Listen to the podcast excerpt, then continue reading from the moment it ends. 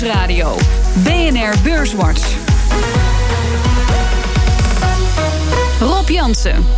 Welkom bij Beurswatch, het enige beleggingsprogramma op de Nederlandse radio met Jos Versteeg van Insinger Gillissen en Richard de Jong van Van Lieshout en Partners. Heren, welkom. Um, uit de notulen van de ECB uh, uh, leiden analisten af dat diezelfde centrale bank aanstalten gaat maken om het opkoopprogramma, dus het opkopen van obligaties, terug te schroeven.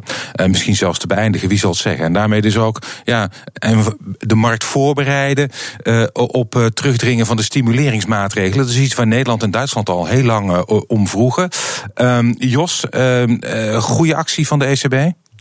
Ja, ik denk het wel. Het is toch goed om de markt enigszins voor te bereiden. Ik verbaasde me een beetje over de, de reactie, de schrik ervan. Want uh, ja, dat kun je verwachten als het zo goed gaat, dat dat een keer gaat komen, ja. ja. Richard, jij ook blij met deze aankondiging? Mee eens, je moet de markt een beetje voormasseren over, over je toekomstplannen. De geloofwaardigheid van de centrale bank is eigenlijk alles. Dus dat doen ze prima.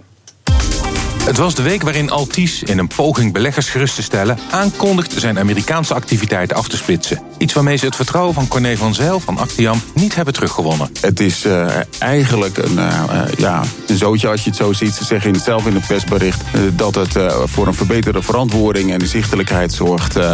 En ja, daar hebben ze volgens wel elf pagina's nodig om de hele structuur uit te leggen. Dus corporate governance is hier weer heel ver te zoeken. Het was ook de week waarin uitlekte dat GoPro, de maker van ooit populaire videocamera's, in de verkoop staat. Volgens zakenzender CNBC is JP Morgan ingehuurd. What I'm reporting right now is that JP Morgan is in fact working with GoPro on a potential sale of the company. Whether or not a deal actually happens, well, that's another question. En last but not least, het was de week waarin de AEX de hoogste stand sinds het uitbreken van de crisis bereikte. Is er nog veel ruimte voor aandelen om verder te stijgen in Europa en Amerika? Larry Fink, CEO van vermogensbeheerder BlackRock, denkt van wel. Our flows at BlackRock are evident of the type of demand we're, we're witnessing. We've seen so many clients stand on the sidelines. Despite the amount of flows we've had, we still see most investors underinvested. Ja, underinvested. Volgens Larry Fink is nog wel meer geld beschikbaar bij investeerders uh, om uh, in aandelen onder andere te pompen. Um, delen jullie de opvatting dat het nog niet gedaan is met het positieve sentiment op de beurs, Richard? Nou, als je kijkt naar de markt, alle waarschuwingssignalen staan op bijzonder lage niveaus. De, de volatiliteit op de aandelenmarkt staat op het laagste niveau ongeveer sinds 30 jaar. Risicopremies bij obligaties op het laagste niveau sinds jaren. Dus de markt is bijzonder positief. En dat zal voorlopig nog wel eventjes aanblijven als er geen hele grote schokken gaan gebeuren. Uh, Jos, denk jij ook dat er uh, deze boom nog wel even kan aanhouden? En dat er nog meer geld misschien wel zal vloeien naar bijvoorbeeld de aandelenmarkten? Ja, daar zijn we absoluut van overtuigd. Het heeft vooral te maken inderdaad met die lage rente. Beleggers uh, zullen nog steeds, die niet, tenminste aan mensen die niet belegd hebben, die zullen nog steeds ja, met bloedend hart naar hun spaarrekening kijken en denken, nou, moet toch maar gaan beleggen. Maar veel hangt wel af van de ontwikkeling van de rente. En zoals Richard ook zegt, ja, dat ziet er niet uit dat dat hard gaat stijgen. Dus op, dat, op dat punt, dat de rente zo laag is, daarom zullen de aandelen nog aantrekkelijk zijn. Als je kijkt naar allerlei waarderingen voor aandelen zelf ja, dan zijn ze best duur. Dus het is wel spannend. Het is wel spannend. En daar is daarmee ook gezegd uh, dat bijvoorbeeld, we hebben het over een record, maar we bedoelen eigenlijk, ik bedoel dan eigenlijk de crisis, dat niveau, dat hebben we bereikt. We, we, gaan nu weer verder. Het echte record van de AEX staat op 703 punten begin deze eeuw. Was inderdaad wel op de top van de internetbubbel. Maar ja, als het zo goed gaat met de economie en misschien ook wel de winsten gaan stijgen, komt die 703 punten voor de AEX weer in zicht? Zou een stijging zijn van ruim 25 procent. Kan dat, Richard? Nou, dat kan. Maar even over de AX ja? gesproken, moet je even uh, goed realiseren dat het soms best wel een gekke index is. Uh, want er zijn heel veel in het verleden heel veel bedrijven uit de midcap op een hoog niveau in de AX gegaan. Ja. En op een heel laag niveau, omdat het slecht ging met het bedrijf, ja. uh, KPN Quest, een buurman, zijn ze uit de index verdwenen. Kijk je naar de aandelen die er al jarenlang in zitten, de DSM's, uh, de Heinekens van deze wereld, die staan dus allemaal rond hun hoogste niveau ooit. Ja. Dus als je kijkt naar de harde kern van AIX uh, ja. en dat zou vertalen naar de punten, dan staan we bijna op het hoogste niveau ooit. Ja. En dat is ook logisch, want de winsten zijn ook hoger dan ooit. Kortom, die 703 zal moeilijk te bereiken zijn, omdat uh, de, ja, eigenlijk de, de AX een beetje een duiventil is. Ik denk dat het wel mogelijk is. Alleen ja, of het dit jaar is, dan zou je wel echt een meld-up hebben, zoals Jeremy Grantham uh, zei. Ja. Maar stel je voor dat dat nou drie jaar, nog drie jaar goed blijft gaan. Dat zou kunnen, twee, drie jaar. En dan heb je gemiddeld 8% per, per jaar nodig over drie jaar. En ja, dat, ik, ik denk dat dat, dat dat kan. We zitten in een, in een boelmarkt en die, hebt wel, die duurt lang. Mm. Uh, gemiddeld is het uh, vijf tot tien jaar, meer richting vijf dan richting de tien. En nu zijn ze, we zitten al op negen jaar, dus die boelmarkt is al lang bezig. Maar het is niet een extreme boelmarkt met hele hoge jaarlijkse rendementen. Nee. Dus dit is op zich helemaal niet ongebruikelijk. Dit, ik, ik, ik, ik denk dat het wel kan. Ja, wat ook opviel, dus vandaag, of deze week moet ik zeggen, naar buiten gekomen. Uit onderzoek blijkt dat in ieder geval in Nederland steeds meer jongeren naar de beurs trekken. Inderdaad, omdat die rente heel erg laag is. Treurig laag zou ik bijna zeggen. En zij richten dus ook hun blik op de beurs. Wat is, Richard, jouw advies aan deze nieuwelingen op de beurs? Wat zijn de valkuilen waar ze op moeten letten? Nou, het eerste voor de nieuwelingen, als ze echt alleen nog maar ooit gespaard hebben dan is beleggen natuurlijk iets wezenlijk anders. Bij sparen, hoe weinig ook, er komt elke maand steeds ietsje bij. Ja. En je hoofdmoot blijft lekker gelijk en neemt door de rente een beetje toe. En bij beleggen, ja, je wordt beloond voor het accepteren van risico. Mm. Dus dat je vermogen ook eens een keertje naar beneden gaat. En daar moet je gewoon jezelf op instellen. Mm. Los van het feit uh, in welk aandeel je belegt of in welke regio. Je moet jezelf erop instellen dat het ook een keertje minder kan gaan. En een echte spaarder is dat niet gewend. Nee. Kortom, ook goed, uh, goed oriënteren. Bezint eer begint, Jos, voor de jonge Ja, je kan het op twee manieren doen. Je kan gewoon eenvoudig een index kopen en er niet ja. naar kijken. Heel leuk is een klein opstartbedrijf van een oud collega van mij, eh, Peaks. Mm -hmm. Waarbij je je wisselgeld belegt en het gewoon in een paar fondsen wordt belegd. Hele simpele manier. Dat kan, maar je kan het ook veel goedkoper doen door gewoon een paar goede aandelen te kopen. Maar dan moet je er wel wat werk in steken en dat, uh, dat kan niet iedereen. En je moet uitkijken voor het Dunning-Kruger effect. Dat je, waar, waar Trump nogal last van hebt. Dat je ja. jezelf briljant vindt. Ja. Zeker als het goed gaat. Je overmoedig wordt en uh, ja, je geld ja. weer verliest. Ja, uh, ik wil even terug naar die ECB. Want uh, ja, een van de redenen dat het zo goed gaat, is natuurlijk uh, dat de ECB stimuleert. Um, dat doet de Fed ook. nu lijkt dus de ECB de markt voor te bereiden op een afbouw. Je ziet wel meteen het, een sterke reactie. Richard, de euro werd meteen duurder. Ja, dat was fors. Ja, was fors. is dat iets van tijdelijke aard of gaan we dat, de rente gaat misschien verder oplopen? Nou, voordat we over de, de, de euro gaan praten. Kijk, de rente, dat is, daar zijn, en dat heb ik vorige uitzending ook mogen vertellen. Er zijn allemaal verschillende soorten rentes. Dat klopt. De tienjaarsrente, zowel in Amerika als in Europa, doet eigenlijk helemaal niks. Zeg maar de lange rente. Ja. Het is met name de korte rente waar we het steeds over hebben. En die is aan het stijgen. Ja. Maar als je ziet hoe heftig de markt nu al reageert op dit soort woorden. Dan, dan ligt het in de lijn verwachting als de acties er eenmaal echt beginnen te komen. Dat er nog een reactie opvolgt. Desalniettemin denken wij toch op termijn gaan de markten toch echt wel kijken ook naar, uh, naar de renteontwikkelingen. Ja, en die zitten in Amerika zijn wij wat, wat afhankelijk hoe je erin wil zien, uh, insteekt, denken wij dat de rente wat harder gaat stijgen dan in Europa. Mm. Dus ook dat dat euro-effect wel eens mee zou kunnen vallen. Ja, maar misschien wel wat meer volatiliteit de komende periode, Jos. Of maak je daar niet zo'n zorgen om? Daar gaan wij zeker vanuit dat er wat meer volatiliteit komt. De markten gaan inderdaad veranderen. We zitten op, wel op een omslagpunt, lijkt het. In ieder geval naar de Amerikaanse centrale bank is al aan het afbouwen. De Europese ja. centrale bank gaat dat ook aankondigen. En ja, ja maar de vraag of ze nog na september doorgaan. Uh, Japan hadden we vorige, uh, afgelopen week een uh, reactie van. Hè, dat ze wat minder hadden ingekocht. En dat ja. gaf ook zo'n zo'n schok. Dus ja, het omslagpunt is er. Maar ik denk dat dat een hele gunstige, mooie ontwikkeling is. Want dat betekent dat we die steun niet meer nodig hebben. Dat de economieën zelf kunnen groeien. Dus ik denk dat dat op zich heel positief is. Wat wel belangrijk is, vind ik, is de ontwikkeling van de inflatie. Wij zien dat misschien nog wel eens daar een tegenvaller van kan zijn. Uh, we hebben de afgelopen tijd natuurlijk heel laag inflatie gezien. Vandaag ja. CPI-cijfers uh, in Amerika. Die vielen gelukkig uh, mee. Maar ja, daar kan nog wel eens een verrassing in zitten. Maar dat we nou zien dat bijvoorbeeld de rente in Amerika hard ver boven de 3% komt lang, mm -hmm. zie ik ook niet zo snel gebeuren. De groei blijft toch wel beperkt. Zal dit jaar krijg je een flinke impuls van de belastingeffecten. Maar we, we gaan dit jaar alweer naar een piek in Amerika. Dus Ja. ja, ik denk, het was zoals het eruit uitziet, krijg je gewoon een vrij lange periode van vrij voorzichtige groei. En het heeft alles te maken met demografie, vergrijzing. De arbeidsmarkt is, of tenminste de arbeidspopulatie wordt, is kleiner, groeit niet meer zo hard.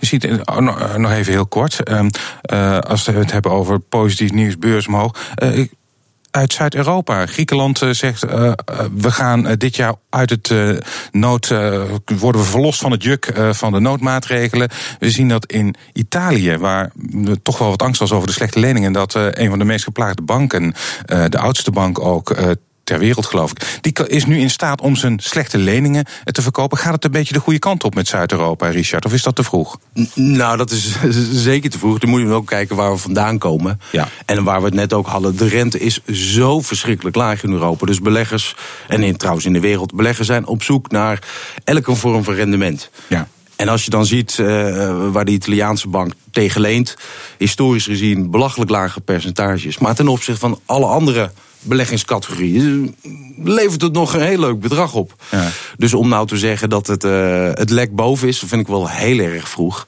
Eh, maar gelukkig, het gaat niet meer zo slecht als vroeger. Maar het lek boven is mij echt een stap te ver. Voor jou ook, Jos? Ja, ik vond het geweldig dat eh, ze in staat waren om een 10 jaar nood tegen 5,4% in de markt te zetten. Voor een bedrijf wat echt diep junk is, hè, de ene laagste status. En een jaar geleden hebben obligatiehouders nog flink moeten betalen. Dat heeft ongeveer, eh, wat is het, ruim 4 miljard gekocht. Dus Ja.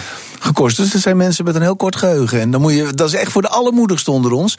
En ja, als je zo moedig bent, kun je er een hoop geld mee verdienen. Zometeen praten we verder over beurs en economie, onder andere over Shell en Altis. BNR Nieuwsradio. BNR Beurswatch. We gaan het hebben over de problemen eh, bij Altis en over Shell's interesse eh, voor Eneco. Dat doe ik met Jos Versteeg van Insinger Gillissen en eh, Richard de Jong van, van Lieshout en Partners. Maar eerst maken we even de balans op van de afgelopen week. De AEX sloot op 561,1 punten. Dat is een half procent hoger dan vorige week. Stijgers. De grootste stijger op weekbasis is Galapagos met een plus van 9,6 procent. Op nummer 2 ArcelorMittal met een plus van 7,8 procent. En Egon op eh, nummer 3 met een plus van 6,4 procent. En het midcap aandeel dat het best presteerde deze week was TomTom met een plus van 4,7 procent. Dalers. Dalers. De grootste dalers in de AEX. Altis verloor deze week 4,3 procent. Eh, op nummer 2 staat Wolters Kluwer eh, met een min van 4,1 procent. En op 3 ook een uitgever Relax met een min van 3,6 procent. In de midcap was de grootste daler deze week Air France KLM met een min van 5,2 procent. En de AEX sloot drie van de vijf handelsdagen eh, in de plus. Ehm, het valt me op dat eh, bij de eh, dalers, eh, zowel Wolters, Kluwer als Relax, eh laag staan. Hebben jullie daar enige verklaring voor? Toeval? Ja, die defensieve aandelen doen het wat slecht. Ahold heeft ook niet zo'n goede start gehad. Eh, Unilever dacht ik uit mijn hoofd ook niet zo. Dus het is, men, men zoekt meer de risico's te ho- hoge beta's. Ja, ehm, nou, ja, de Franse kabelaar Altis eh, was natuurlijk, zoals wel vaker de afgelopen weken, eh, de grootste daler in de AEX. Terwijl het bedrijf dus zijn best doet om het vertrouwen te herstellen. Ehm, de Amerikaanse tak van eh, Altis wordt verzelfstandigd. Richard, is dat iets wat jou meer vertrouwen geeft in Altis? Nee, eh, ik moet heel eerlijk bekennen, eh, ze zijn zo ver gegaan in de financiële situatie. Die schuldenberg is zo enorm groot. Als je dat vergelijkt met eh, de IBIT die ze verdienen en de rente die ze moeten betalen, is er echt nog een verschrikkelijk lange weg te gaan. Ze Ja. doen hun best, dat moet ik ze echt nageven. Maar ze zijn gewoon te ver gegaan. Dus als, als, als, als belegger zou ik er niet zo snel in beleggen. Desalniettemin, aan de rand van de afgrond groeien vaak de mooiste bloemen. Ja. Dus mensen die eh, bitcoins interessant vinden, zouden ook best wel eens een keer kunnen kijken naar Altis. Maar nogmaals, echt als belegger eh, vind ik echt dat ze de financiële situatie ruim, ruim voorbij zijn gegaan in stabiliteit. In, in, in, in, de- daar moet je echt eh, verre van blijven als, als belegger, is mijn mening. Jos, ben je het daarmee eens? Ja, ik keek er zo naar. Ik zat er vanmiddag over na te denken van hoe kun je dat het beste zeggen. Ja. Nou zeg je, je gaat in de bus zitten. Als aandeelhouder zit je dan voorin. En die bus rijdt met 120 keihard door het bos. Ja. Dan denk ik van nou, dan pak ik, stap ik toch liever achter in een eh, streekbusje, een rustig busje. Dan- nee, het is eh, precies wat Richard zegt. Veel te hoge schulden. En ja. je kunt er heel veel geld mee verdienen als je echt van gokken houdt. Maar beleggen, het- daar heeft het niks mee te maken. Toch zijn er wel eh, eh, collega's van jullie. Ik meen dat ABN AMRO er een paar weken terug een koopadvies voor heeft gegeven. Die zeggen, ja, die, die schuld, de rente daarvoor is nog de komende jaren eh, eh, eh, vast. Dus daar zullen de rentelasten niet snel stijgen. Toch wel een redelijke cashflow. Dus hebben een waar. paar jaar de tijd om, Ja. om orde op zaken te stellen. Ja, maar dan wordt wel, wel heel gemakkelijk voorbij gegaan. Als je die schulden wilt verminderen, los van dat je dingen efficiënter kunt doen, betekent ook bezittingen verkopen. Die bezittingen die leveren weer je winst op. Ja. Dus je rentebetalingen blijven wel gelijk. Maar als door de verkoop van je bezittingen je omzet en daardoor ook eh, je bruto winst daalt, Ja. dan wordt nog steeds de betaalbaarheid van je rente, eh, dat wordt lastig. Ja, ja, ja. En hoewel er pas ergens over drie, vier, vijf jaar Ja. eh, de obligaties aflopen. Nogmaals, als jij goed renderende onderdelen verkoopt, daalt je verdienstcapaciteit om je rente te En plus, betalen. het is belangrijk dat er de, het gaat niet zo goed in de, de, in de kernactiviteiten. Bij Nee. SFR, die, die, die mobiele. In Frankrijk, in in. Frankrijk. In Frankrijk heb je vier spelers. Ja. En vooral Bouygues. Als je vier spelers hebt, dan is dat heel moeilijk. En Bouygues is een van de kleinere spelers, die concurreert echt keihard. Ze hebben samen met dat bericht dat ze USA gingen afstoten, Hmm. daar hebben ze ook voor de derde keer een winstwaarschuwing gegeven. Dus als je een bedrijf hebt met veel schulden, wat het ook nog eens een keer steeds moeilijker krijgt. Dat is waar. Ze hebben nog een hele hoge kaststroom. Ja. Maar het wordt wel steeds moeilijker. Ja. Ehm, in eh, de midcap was eh, Air France KLM de hekkensluiter. Ehm bedrijf zou willen bieden o- op onderdelen eh, van Alitalia. Ehm Richard, denk je dat dat de reden is eh, waarom beleggers een beetje teleurgesteld zijn? Nou, waarschijnlijk wel. Sowieso zijn we niet positief over, eh, over het aandeel. Eh, eh, KLM, zoals al enige tijd, draait hartstikke goed. Maar Air France, eh, de Franse tak, wat, wat de basis is, daar zien we geen enkele of weinig verbetering in. Ja. En als je dan ook nog de beperkte middelen die je hebt gaat gebruiken om iets over te nemen, zou ik daar als aandeelhouder niet blij mee zijn. Nogmaals, eh, als KLM alleen was geweest, snap ik dat je naar schaalgrootte gaat. Maar ik denk dat dit meer uit defensief oogpunt eh, eh, wellicht wordt gedaan om Lufthansa buiten de deur te houden.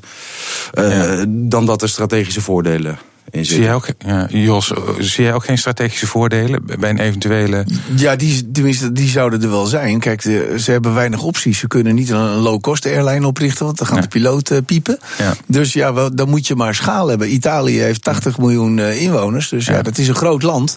Eh, ze hebben mooie vliegrechten, ook in Amerika. Dus ik snap het wel. Alleen, je moet er niet te veel voor betalen. Eh, Alitalia is natuurlijk een verschrikkelijk bedrijf. Ze hebben, ik meen, ik heb het niet nagegaan, maar ik meen dat ze in de afgelopen 80 jaar één jaar winst hebben gemaakt. Ja. Dus dat is dramatisch. Je haalt daarmee echt een ellende in huis, dat wil je niet weten. Maar goed, Air France weet hoe het is. Ja. Maar ik, zou, ik, begrijp echt heel goed dat die koers naar beneden ging toen ze, dat, dat gerucht kwam. Nou, plus, jij zegt eh, ze moeten niet te veel betalen. Maar het schijnt dat de nummer 1 in Europa, dat is eh, inmiddels weer eh, Lufthansa, die schijnt ook al zijn oog te hebben. Heeft zijn oog laten vallen op eh, onderdelen van Alitalia. En dat zou misschien wel die prijs van Alitalia kunnen opdrijven. Wellicht is het met name wat Jos zegt, die route naar, eh, naar Amerika, waar, eh, waar Ja. veel eh, geld in zit. Ja. Maar nogmaals, ik zou niet te veel geld over hebben over iets wat, wat in de afgelopen jaren eigenlijk niks heeft opgeleverd. Nee. Dan maar naar de concurrent. Ehm, eh, dan maar naar de concurrent. Ja, dat Lufthansa het Ja. wellicht Ja. overneemt. Ja, wellicht. Ja, en die hebben overigens ook al, ze zitten ook alweer in Air Berlin. Ehm, je zou je afvragen wanneer grijpt een eh, eh, toezichthouder over marktmacht eh, in. Nou, er is genoeg concurrentie natuurlijk. Zeker binnen Europa van de EasyJet en, eh, en Ryanair. Ja, op de goedkope lijnen, op de Ja. goedkope lijnen wel, ja. Nou, we zullen het zien eh, wie er met de buit van doorgaat eh, van de Italianen. Ehm, ik wil met jullie hebben over Shell. Want eh, vandaag kwam naar buiten dat Shell interesse zou hebben om Eneco over te nemen. Eh, dat Rotterdamse energiebedrijf geldt als de groenste energieproducent van ons land. Ehm, Richard, zou dat een goede, goede move zijn van Shell om Eneco in te lijven? Ik denk het wel. En ik vind het ook wel eerlijk gezegd passend bij Shell. Er wordt vaak over Shell gedacht of geschreven als eh, de grote olieproducent. Eh, En het is een mammoetanker om even in olietermen te blijven. Maar je ziet toch een, een, een draai in, uh, bij Koninklijk Olie Shell. Eerst met de overname van British Gas. Uh, Ze willen meer een schaliegas ook gaan doen. En ook de, de duurzame tak, daar zijn ze echt fors aan het uitbreiden. Dus ik vind het een, een logische stap. ook met het, het oog op de toekomst. Eens? Ja, ik heb bij, bij, bij, Shell heel lang gewacht op echt een vergezicht van hoe zien ze nou een toekomst over 50, 60 jaar. Afgelopen week, voor het eerst, Ben van Beurden in de Financial Times, gaf hij daar inzicht in. En toen zei hij van nou, ik wil wat meer uitbreiden in, chemicaal, in de chemie sector, in de elektriciteit en in biofuels. Nou, die uh, elektriciteit, eh, ze hebben ze al wat dingen gedaan. Ze hebben MP2, dacht ik, in Amerika, een, elektriciteitsproducent gekocht. Ze zijn oplaadbare accu's voor uh, elektrische auto's gegaan. Dus ik vind het wel een, uh, een hele goede zet. Dat ja, past heel duidelijk in het beleid. Want je ziet dat in de komende jaren elektriciteitsproductie erg zal stijgen. Ja, en daar ligt de toekomst erin als je fossiele brandstoffen geleidelijk minder wordt. En het is echt een bedreiging. Je ziet nu dat de kosten van uh, wind- en zonne-energie behoorlijk naar beneden zijn gegaan. Dus het begint nu wel echt te wringen. Ze moeten echt met een plan komen. Hmm. Ja, en, en, en, hoe verhoudt zich dit tot de uh, oplopende olieprijs? Want in principe is dat iets wat uh, de oliemaatschappijen ja, gouden eieren brengt. Hè? Dat, dat ja. Dus is, ja. wordt het een win-win situatie wellicht. Ja, het is natuurlijk heel gunstig. ik ben niet zo negatief over de olie. zeker dat nu ze hun kosten ook fors naar beneden hebben gebracht. En nu met die ja, wat hogere olieprijs is het voor de oliemaatschappijen heel mooi. En dan kunnen ze geleidelijk aan overgaan op een andere energiebron. Want het is natuurlijk belangrijk voor het klimaat om die fossiele brandstoffen te stoppen. Hmm.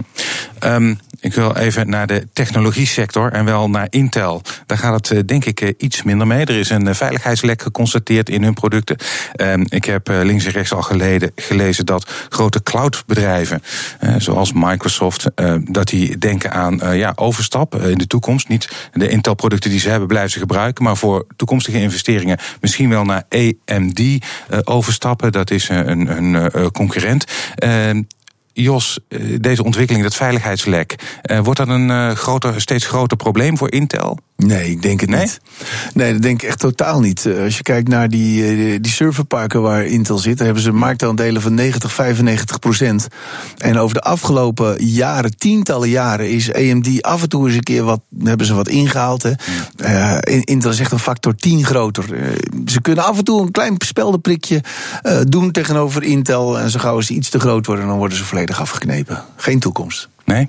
Ja, Richard, hoe zie jij dat? Nou, ik denk wel, uh, niet zozeer een concurrentienadeel, maar ik denk wel dat dit uh, financiële gevolgen, nadelige financiële gevolgen uh, kan hebben voor Intel. Sowieso zijn ze helemaal bezig nu met, met updates van hun producten. Ja. waardoor de chips langzamer worden voor de grote ja. verbruikers. Er komen straks weer nieuwe updates, kost allemaal geld. En ja, zo werkt dat helaas tegenwoordig in de wereld. Er komen meteen schadeclaims. Ja. En uh, dat zijn allemaal geen hele lange termijn gevolgen de, dat Intel daar de komende tien jaar last van heeft. Maar voor de komende uh, periode zien wij toch wel een, uh, een, een, hap uit de winst verdwijnen. Ja. Dus het mooie, degelijke Intel, dus een ja. monopolist haast, daar vinden wij nu toch wel wat risico's aan verbonden. Ja. Maar misschien. Ja, ja, AMD had er ook last van, hè? Want ze hadden eerst gezegd dat ze er geen last van hadden, maar nu moeten ze toch wel met een update komen ook. Een risico misschien wel voor de, voor de topman, meneer Kazanich. Want uh, die heeft gehandeld in het aandeel, wetend dat dit naar buiten zou komen. senatoren hebben afgelopen week gezegd van wij willen dat die onderzocht gaat worden. Dat wordt misschien nog wel een probleempje, Jos. Ja, ik had begrepen dat het een automatisch koopprogramma was. Dus ja, dan moeten we maar horen wat ja. het. Uh, in, ik kan me nauwelijks voorstellen dat een bedrijf als Intel, dat een topman zo stom is om daar met voorkennis op te gaan handelen. Ja. Nou, wat ik veel kwalijker eigenlijk vind, is dat ja. iemand van uh, Google, notabene, ja. moet erachter komen dat er een lek is. En uh, dat dat schijnbaar al sinds eind mei, begin juni, juni bekend is. En dat dat nu pas naar buiten komt. En nogmaals, dat iemand van Google erachter moet komen, hmm. niet van Intel zelf. Dat betekent of ze wisten het echt niet. Ja. Kun je of vraagtekens bezetten. Of ze wisten het wel. Hebben niet gemeld. Kun je ook je vraagtekens bezetten. Dus we gaan het zien. Jongens, we zijn alweer bijna aan het uh, einde van dit programma. En ik vraag aan het eind altijd een tip voor de luisteraar. Iets wat ze, waar ze beslist in moeten beleggen. Kan een aandeel zijn, uh, vastgoed, obligatie. Richard, wat is jouw tip deze week? Mijn tip is eigenlijk hetzelfde als de vorige keer dat ik hier mocht zijn. Dat zijn financials, bankaandelen. We zien de economie aantrekken, gunstige macro-economische omgeving voor bankaandelen. En mocht onverhoogde rente toch hard gaan stijgen, ondanks dat een hoop mensen dat niet verwachten, wat slecht is voor heel veel aandelen. Maar voor bankaandelen is dat uh, uh, vaak heel goed nieuws. Dus je hebt een mooie bescherming in je portefeuille. En als die renteverhoging er niet komt met deze macro-economische omgeving, hartstikke goed nieuws voor banken. Dus bankaandelen. Banken. Vorig jaar ook al goed gedaan in de AEX. En uh, dat blijft dus nog wel even zo uh, volgens jou. Ja. Jos, waar zet jij op in? Op Galapagos, daar ben ik echt zo enthousiast over. Niet omdat ze uh, bepaalde medicijnen hebben. Ze hebben onder andere nu een succes gehad met een onderzoek naar artrose. Ja. Wat dan wel eens een blockbuster kan worden. Maar vooral voor, vanwege hun platform. Ze hebben een vrij breed aantal medicijnen in ontwikkeling. Ook in verschillende stadia. En er is nog altijd een kans dat er een bod kan komen van Gilead. Uh, ik ben daar erg enthousiast over. Maar het is wel voor een belegger die wat meer risico kan dragen. Ja, want uh, dat heeft het ook goed gedaan vorig jaar, Galapagos. Ja. maar daar zit dus nog echt wel er zit nog heel veel potentieel in. Als er een bod komt, ligt dat echt ver boven de 100. Laten we zeggen tussen de 120 en 150. Dus daar moet je een klap aan mee maken. Dus Galapagos. En uh, jouw tip was uh, de financials. Um, we zijn daarmee gekomen aan het einde van deze aflevering van Beurswatch. Ik dank mijn gasten van vandaag. Jos Versteeg van Insinger Gillissen en Richard de Jong van Van Lieshout Partners. Volgende week is er natuurlijk weer een Beurswatch. Deze uitzending die kunt u naluisteren op de website van BNR of via de BNR-app. Heeft u nog vragen, dan kunt u mailen naar beurswatch.bnr.nl of een tweet sturen naar Rob Jansenbeurs. En dank voor het luisteren.